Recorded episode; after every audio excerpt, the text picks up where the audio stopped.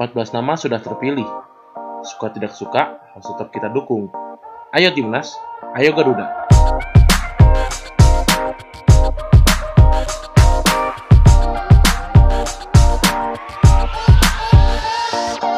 Selamat pagi, selamat siang, selamat sore, dan selamat malam para pendengar setia Abastok. Kembali lagi di comeback season Abastok di tahun 2022.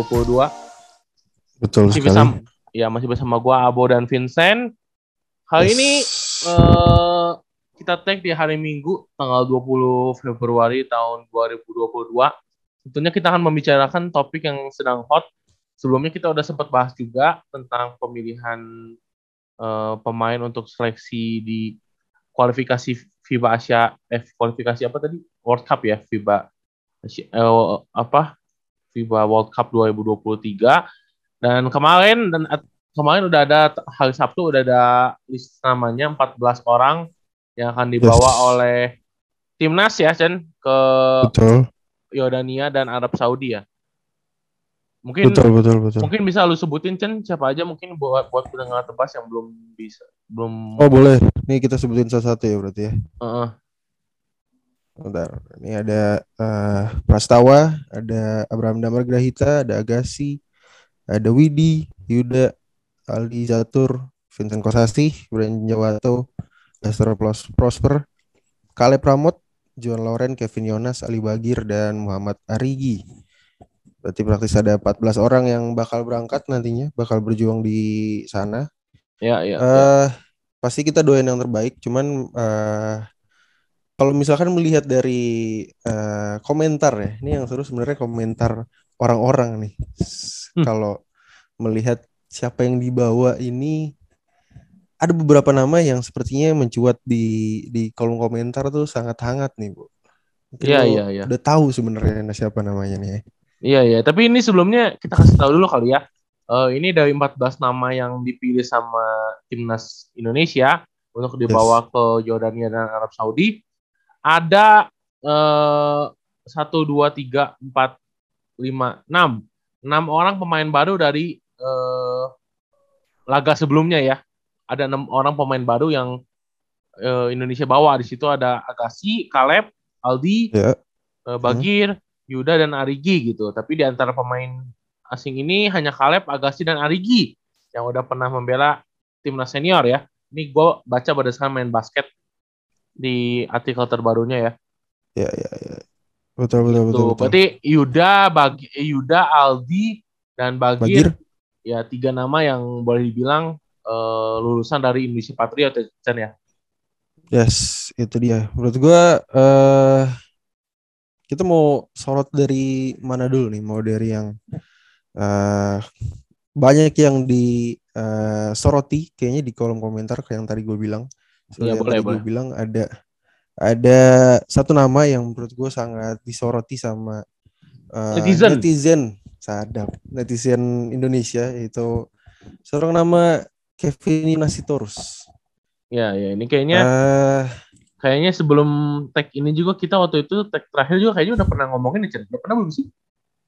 Masih kilas sih, sedikit banget sih. Sekilas ya. Iya kita kita pokoknya kalau kalau gua nggak salah kita ngomonginnya eh karena Kevin Yonas sudah inilah udah mengerti dengan sistem bermainnya Coach Toro. Jadi eh kita apa ya mewajarkan lah kalau dia dipanggil untuk seleksi Oh lagi. iya, iya. Oke, Gitu. oke. Menurut Tapi, lu gimana? ya, Gimana? Sekarang dia dibawa lagi nih. Kalau menurut gue sih pastinya eh apa ya agak kaget sih. Maksudnya eh, wajar maksud gue netizen Indonesia juga kaget dengan pemilihan coach Toro yang eh, dengan kembali membawa ke- eh, Kevin Yonas sebenarnya Eh, melihat dia di di eh, apa ya di IBL kontribusinya kalau gue nggak salah tuh dia eh, average minute-nya cuma 7 menit eh, sekitar 20-an menit 7 7 7,20-an menit eh, dengan poinnya cuma 2,3 eh, average-nya sama 1,3 rebound. Menurut gua eh, kontribusi dia di IBL sih sangat rendah ya. Apalagi minute play juga eh jarang dimainin juga sebenarnya. Kadang juga akhir-akhir gitu juga kalau dimainin sama SM. Cuman kalau misalkan coach Toro memerlukan orang yang dianggap penting di uh, sistemnya oke okay lah. Maksudnya Kevin Jonas dibawa kembali. Cuman uh, uh, uh, gue sih di beberapa game timnas uh, sebelumnya gitu ya, yang ketika lawan uh, Libanon kalau nggak salah, uh, gue sih masih masih masih bingung aja sih. Maksudnya role Kevin Jonas tuh di di timnas akan seperti apa nantinya? Apakah apakah dia cuma diperlukan untuk defense saja atau uh, diperlukan untuk uh, menjaga beberapa pemain penting di timnya? Gue sih masih masih bingung sebenarnya. Uh, dari si uh, coach Toro mengambil Kevin Jonas kembali ini role nantinya itu seperti apa gitu? Maksudnya apakah enggak uh, dicoba dengan pemain-pemain besar lainnya mungkin seperti uh, Sani Ibrahim yang nggak ikut ya kalau nggak salah ya. Atau Govin juga yang sebenarnya punya potensi untuk uh, walaupun ya memang nggak uh, bagus-bagus banget mereka berdua ketika lawan Libanon dan beberapa uh, game internasional Indonesia lainnya. Cuman ya kontri gue sih melihat dari dari uh, permainan anak-anak uh, ini di di IBL dulu sih maksudnya dengan statistiknya dengan minute play dan segala macam itu penting buat nantinya mereka main di ketika di internasional menurut gue karena memang ya event yang terdekat ya si IBL ini. Cuman ya kembali lagi ke coach Toro-nya sih.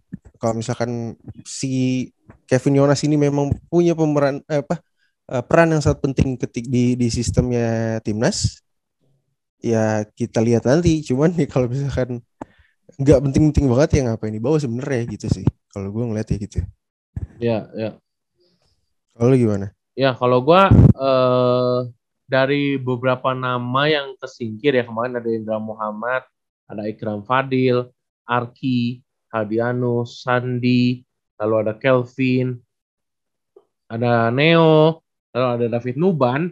Sebenarnya kalau gue lihat dari eh, kembali lagi tulisan main basket ya, ini sebenarnya hanya Kelvin sih sebenarnya yang bisa kalau dalam tanda kutip untuk menggantikan posisinya Kevin Yonas ya anda ya emang Kevin Yonas nggak mau dipilih gitu karena kalau misalnya kita lihat uh, Indra Muhammad, Ikram, Arki, Hadianus dan Sandi tak bisa merapat karena alasan cedera dan COVID-19.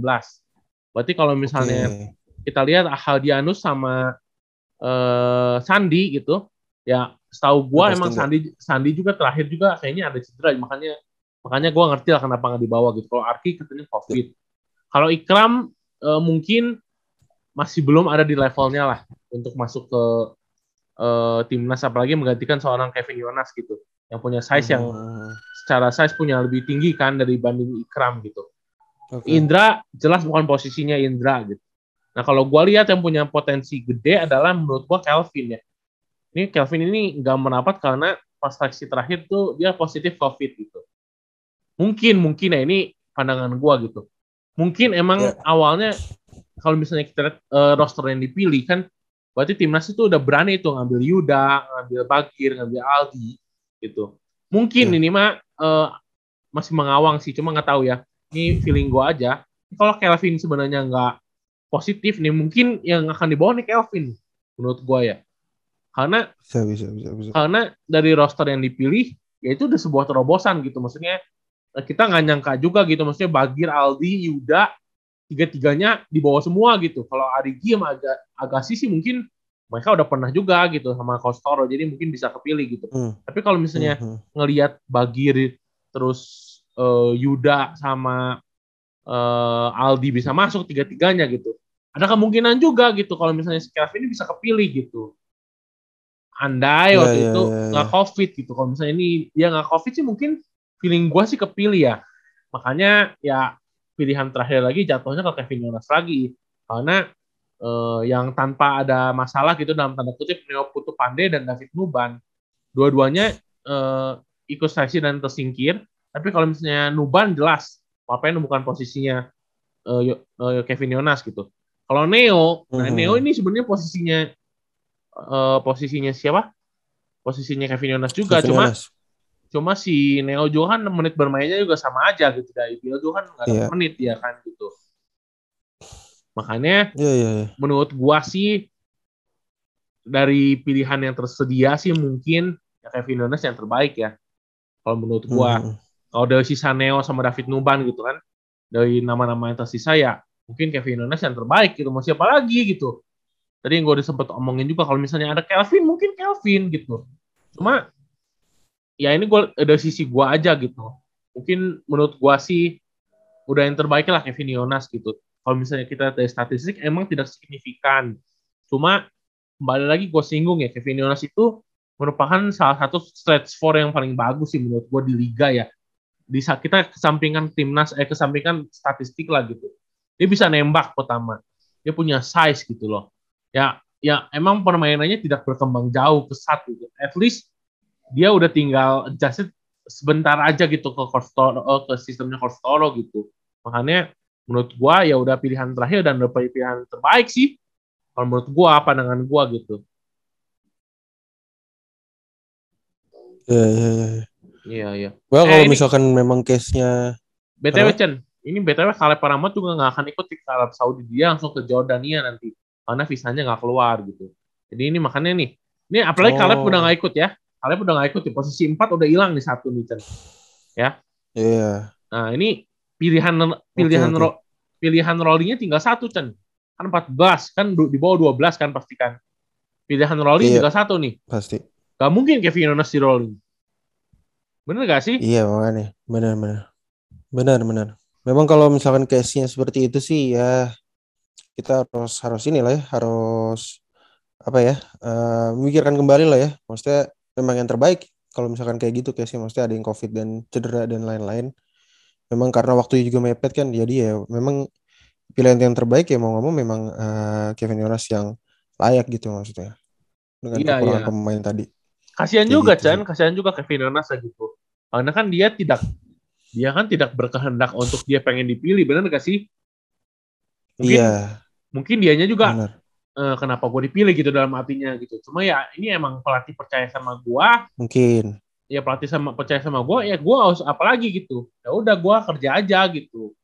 Ya gak Mungkin, sih? mungkin. Betul, betul. Kasihan juga betul, betul. Kevin Yonas ya gitu menurut gua. Iya, iya. tapi ya semoga di inilah ya ketika bertanding juga memberikan yang terbaik pastinya ya. Pastinya gitu. Oke, kalau misalkan ngelihat dari eh squad tadi eh, kita udah bahas eh, salah satu orang yang cukup diperbincangkan. Mungkin kita bergeser ke eh, sedikit ke tadi nama-nama yang udah pernah lu sebutin juga. Beberapa pemain muda, beberapa pemain Indonesian Patriots di season sebelumnya ada Bagir, Yuda, Aldi dan Arigi yang menurut gue eh ini jadi pembuktian mereka sepertinya. Walaupun memang beberapa, beberapa kayak Arigi sama Kelvin ya, kalau yang sempat eh, dapat dapat minute play juga bersama Storo di Indonesia di ketika membela Indonesia. Cuman ya keempat pemain tadi yang udah gue mention, kalau lu ngeliatnya gimana? Maksudnya apakah mereka bisa profit keti di di event internasional ini di beberapa game dua game ya eh, ini apakah mereka bisa membuktikan dengan statistik eh, Yuda dan Arigi yang sangat wah cukup wah lah ya Ya, kalau ya. Yuda sangat wah lah ya menurut gue di di IBL Ya. Arigi juga sangat oke di ketika di IBL Eh, Bagir dan Aldi walaupun masih sosok sebenarnya cuman mereka eh, cukup eh, diperbincangkan dan dan maksud gue reputasinya sangat baik lah ya di di di timnas ini. Kalau menurut lu kayak gimana? Ini Ya. empat orang ini apakah bisa membuktikan di ajang internasional?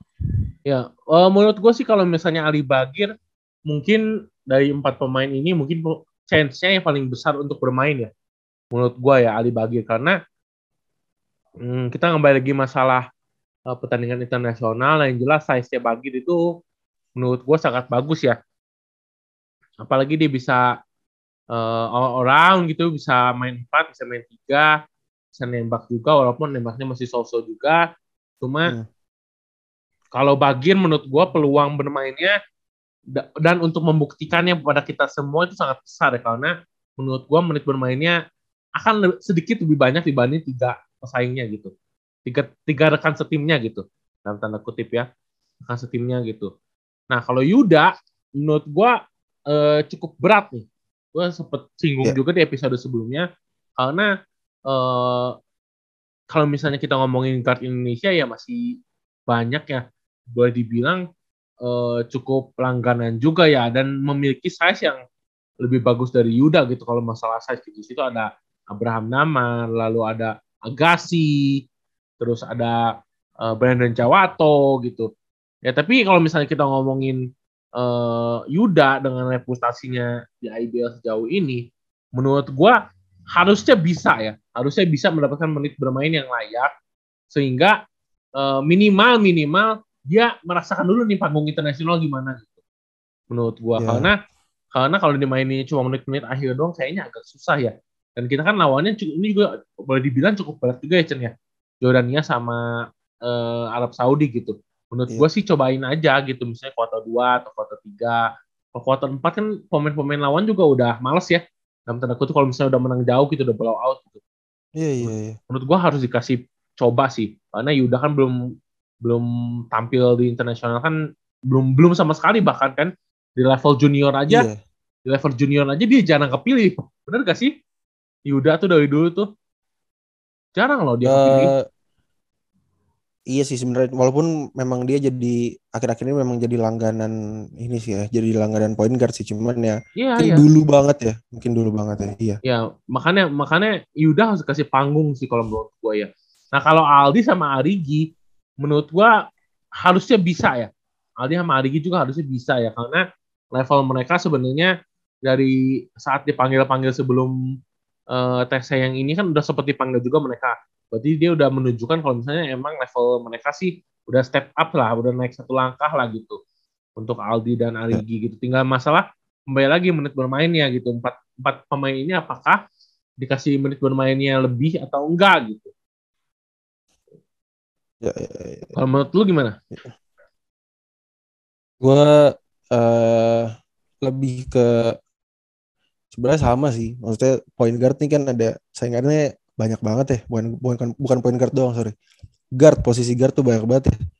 Tadi ada yang belum selalu sebutin kayak Widi uh, Juan Lauren juga kadang agak digeser posisinya.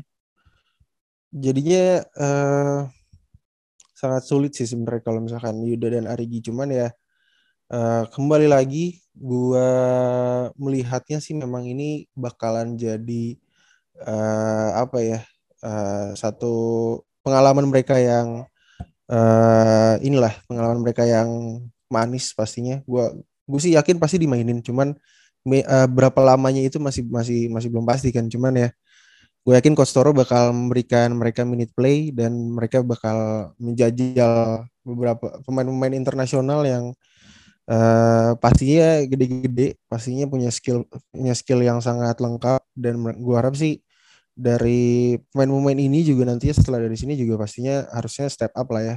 Dengan uh, uh, skill set yang mereka punya. Yang saat ini gue harap sih mereka ter, uh, makin improve setelah nanti selesai uh, pertandingan di uh, kualifikasi ini. Cuman ya uh, kalau misalkan melihat dari uh, ini ya pembahasan kemarin uh, di podcast pemain cadangan juga si coach itu kan sempat mention tentang uh, kalau masalah tinggi badan tuh penting maksudnya kan.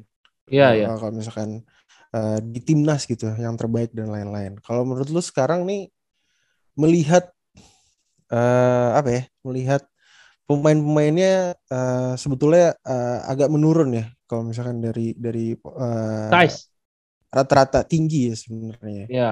Paling ada Bol dan Dick Michael menurut lu uh, saat ini tuh size tuh tinggi tuh penting banget apa apa sebenarnya enggak enggak juga sih sebenarnya? Atau gimana? Menurut lu gimana? Eh uh, ini perdebatan ya sebenarnya. Ya namanya plus minus pasti ada ya. Kalau misalnya yeah. kita sebagai orang awam kita ngelihat Jepang aja. Kita ngelihat Jepang mungkin size-nya ya gede-gede juga sih ya Jepang ya. Kalau cewek-ceweknya iya sih pendek-pendek gitu. Cuma kalau cowok-cowoknya kan modelan Yuda Yuta Watanabe segala kan tinggi-tinggi juga gitu.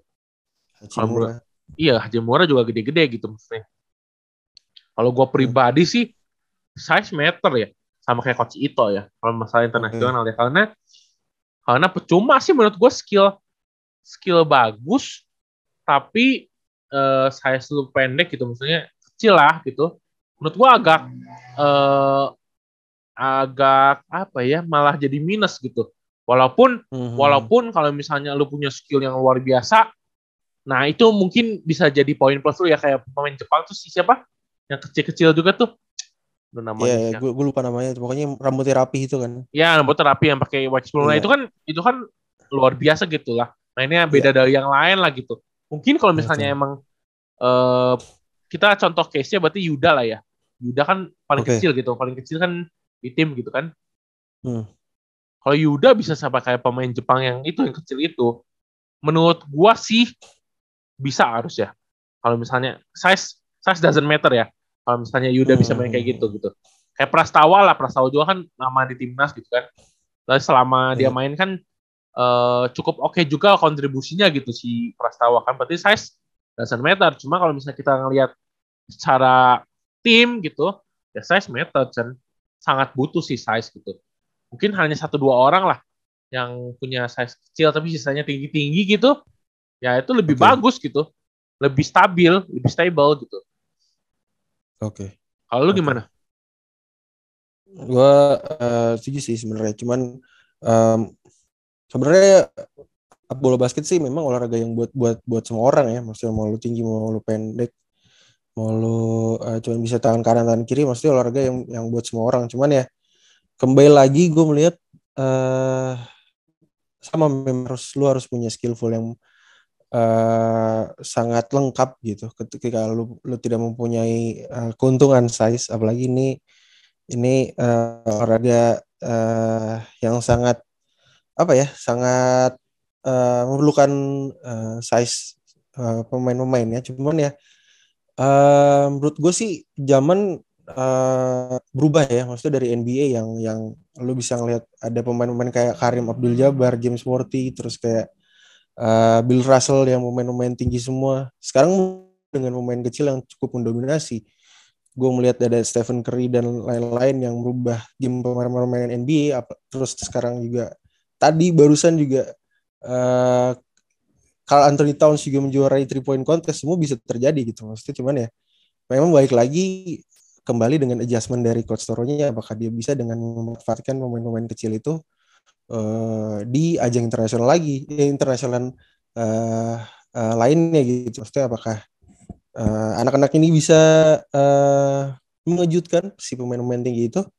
Ya kembali lagi ke timnya sih dan anak-anaknya itu sendiri. Mereka harus memperkaya skill mereka dan, dan ya dalam inilah memperdalam pengalaman juga sih. Itu itu penting menurut gue cuman ya eh kalau dibilang eh penting gak penting ya memang itu sih ya. Ada ada plus minusnya sekali lagi. Cuman ya kalau gue masih percaya kalau misalkan eh apa pun bisa terjadi sih di di basket. Kalau gue Iya, sih gitu iya. ya. Ya tetap ini maksudnya bukan kita mendiskreditkan pemain-pemain kecil ya, cuma kan iya. ini kan eh, apa pendapat aja lah pendapat kita gitu kan ya. Gimana soalnya Iya. banyak banyak yang pro kontra masalah size matter or doesn't matter gitu kan. iya Gitu kan ini masalah masalah pendapat aja gitu. Tapi ya kembali lagi tadi kita udah sempet singgung juga ini ada ada poin plus sama ada poin minusnya gitu. Di mana Betul, kita ngelihat betul. sudut pandangnya aja gitu. Ya, ya, ya. Oke. Dan eh, mungkin ini soal size gue eh melihat kenapa gue gua agak bahas tentang size karena nanti lawan kita di FIBA Asia sepertinya memang eh size-nya cukup jauh nih. Kita melihat ada Australia, ada Jordan juga dan ada Arab Saudi yang menurut gue tiga-tiganya nggak ada yang nggak perkasa gitu. Apalagi Hmm. Australia nomor tiga dunia. eh mungkin nanti eh, eh, eh, bakalan ada ada ada ini ya ada ada kekuatan tambahan mungkin dari Marcus Bolden atau Derek Michael yang bakalan eh, mungkin Hmm. kita harapkan bisa kontribusi nantinya. Apakah kedua pemain itu ditambah dengan Lester Prosper mungkin ataupun Brandon Jawato bisa membantu eh si timnas inilah seenggaknya nggak dibantai lebih dari 50 poin lah. Menurut lu gimana? Menurut gue gitu. Ngebu- menurut gua kalau secara sizing ya jelas membantu ya. Cuma kalau misalnya Iya. masalah eh, kita bakal eh, tidak di blow out, blow out win ya Hmm, belum tahu juga soalnya kan belum apalagi Bolden ya. Bolden belum yeah. tahu gue cara mainnya gimana. Apakah nanti dia bakal adjust gitu di tim? Belum tahu juga gue gimana gimananya. Cuma yang jelas kalau masalah size jelas ya. Kita sangat kebantu kalau misalnya nanti Derek atau Bolden udah ada kesempatan gabung sama timnas. Yang jelas yeah. Leicester juga tidak ada dalam zona nyamannya lagi. Ya dong. Iya, betul itu Pastilah. adalah satu ya itu salah satu poin plus lah kalau misalnya ada pemain uh, tinggi yang dominan gitu yang membuat Leicester ini sebenarnya harus dipacu lagi nih gitu kan yeah, perlu diingat yeah, nih iya. kita ada Leicester Prosper bukannya berarti kita nyaman gitu loh sejauh ini ada Leicester pun kita tidak terlalu terbantu masalah masalah poin kan apalagi gitu oke okay. Leicester Prosper kan ya kita tahu sendiri cara bermainnya sebenarnya uh, bukan bully-bully time kan mainnya kan lebih mm -hmm. ke hmm. lebih ke stylish gitu cara bermainnya gitu makanya uh, menurut gua ya bisa lah bisa bisa secara sizing bisa ngebantu tapi masalah game bermain ya harus dilihat dulu gimana nanti Bolden dan Derek ya terutama Bolden sih. Apakah bisa aja atau enggak gitu. Ya. menurut lu gimana? Oke. Okay. menurut gua eh uh, harusnya sih bisa ya. Apalagi uh, pemain-pemain uh, tinggi ini ibaratnya bisa nembak lah. Ya Derek juga gue ngeliat juga itu dari tembakannya dan dia sepertinya bergeser juga permainannya ke ke posisi yang uh, jadi kayak small forward kalau nggak uh, shooting guard gitu kalau nggak salah ya. Cuman ya dari dari uh, dari lawannya sih gue nggak tahu nantinya bakal apa tim-tim tiga tim itu bakal nurunin yang seperti apa. Cuman ya eh uh, uh, possible sih ya bisa lah. Cuman ya apa berapa banyak cuman ya kemungkinan sih kemungkinan ada cuman ya kita bakal lihat lah. Tapi ya, ya gue setuju sih sama yang lu bilang. Uh, memang uh, dari Leicesternya pun dari beberapa pemain yang asing ini harus apa ya bisa bisa uh, sama-sama step up gitu kalau misalkan lo mau diakui lah di ajang internasional apalagi nantinya persiapan buat SEA Games dan uh, FIBA World Cup juga itu yang penting sih itu sih kalau menurut dari gue Iya iya iya. Ada ya. tambahan mungkin? Ya menurut gue uh, ini sih lebih ke kitanya ya sebagai penonton ya. Karena ya. gimana ya, gue ngebaca kolom komentar juga kemarin lu juga mungkin baca kali ya. Hmm, miris sih, sih gitu, miris gitu melihatnya. Walaupun ya mereka juga punya pendapat, eh, nggak suka lah sama ini kenapa dibawa, kenapa si itu nggak dibawa hmm. gitu kan. Yang jelas ini kan pemain udah dipilih gitu loh Chen. Iya iya iya. Mau iya. keputusan apa pun lagi udah nggak bisa diubah juga gitu kan masalah visa juga kan kayak Caleb aja baru gabung visanya nggak lolos jadi nggak bisa gabung gitu ini kalau pemain-pemain yeah. lain udah udah telat juga gitu ya udahlah gitu menurut gua eh, dua pertandingan ini kita full support dukung timnas gitu. Nggak usah nggak usah judge kenapa ini nggak usah kepilih kenapa ini nggak kepilih gitu. Gua kasihan ke pemainnya juga gitu. Bukan masalah yeah. bukan masalah apa dia jago atau enggak. Cuma kan ya itu bukan kehendak dia untuk dia pengen dipilih gitu loh. Makanya ya udah kita support aja gimana uh, hasilnya nanti ya baru kita evaluasi gitu. Toh toh mereka juga kan udah mencoba yang terbaik itu udah latihan juga kan kita nggak tahu nanti misalnya tiba-tiba main Kevin Yonas menjadi faktor kunci timnas ya kita nggak tahu kan gitu loh who knows Mungkin. gitu kan ya who iya, knows gitu iya. makanya ya udah just support aja gitu menurut gua kalau dari Iyalah. tambahan nggak? Iya mungkin ya dari hasil pool kemarin juga ya gue ngeliat banyak yang kayak uh, goblok goblok goblokin gitu kenapa ngambil pool yang E grup yang A gitu kenapa nggak yang ini kenapa nggak gitu. Menurut gue ya gue rasa sih sama aja. Maksudnya lu mau di mana juga uh, maksudnya lawan-lawannya juga gila-gila sebenarnya. Kita challenge-nya sama ya kan challenge-nya sama aja biril lah. Semua orang tuh ini tuh FIBA Asia gitu. Mas gue yang mereka nggak bakal ecek-ecek juga nurunin pemain ya kan. Cuman ya kita harus harus harus real maksudnya melihat melihat uh, apa ya ke depan lah. Uh, ini tuh pastinya bakalan bagus untuk pemain-pemain Indonesia apalagi pemain-pemain mudanya seperti empat pemain yang yang kita sebut tadi. Kalau walaupun uh, kita nggak tahu nanti dibawa apa enggak cuman ya gue rasa sih bakalan jadi pengalaman yang bagus kalau misalkan mereka dikasih minute play di situ bakalan uh, jadi apa ya jadi jadi uh, mempersiapkan mental juga nantinya di FIBA World Cup. Ini sih jadi jadi menurut gue sih jadi advantage sih lebih baik gue sih lebih baik kalah dengan dengan uh, apa ya dengan pulang tuh bawa sesuatu gitu daripada kalah. Ya kayak cuman nol aja gitu sih. Kalau yeah. gue kalau gue rasa sih tambahan gue dari itu sih. Iya iya iya. Ya udah. Terus itulah. Iya ya udah mungkin itu aja sih bahasan kita hari ini. Nextnya nanti mungkin kalau ada topik baru atau misalnya ada topik-topik hangat. Karena kita kemarin bingung ya mau bahas apa ya Chen jadinya iya. yeah. agak extend gitu tag-nya. Ya. Udah ini paling Karena kita naikin. IBL juga di post gitu iya, kan. Iya. Ya semoga gitu. aja lanjut gitu ya. Senin Senin atau Selasa kita naikin lah. Oke. Okay? Yes. Thank okay. you semua yang udah dengerin. Thank you. Thank you guys. Yuk.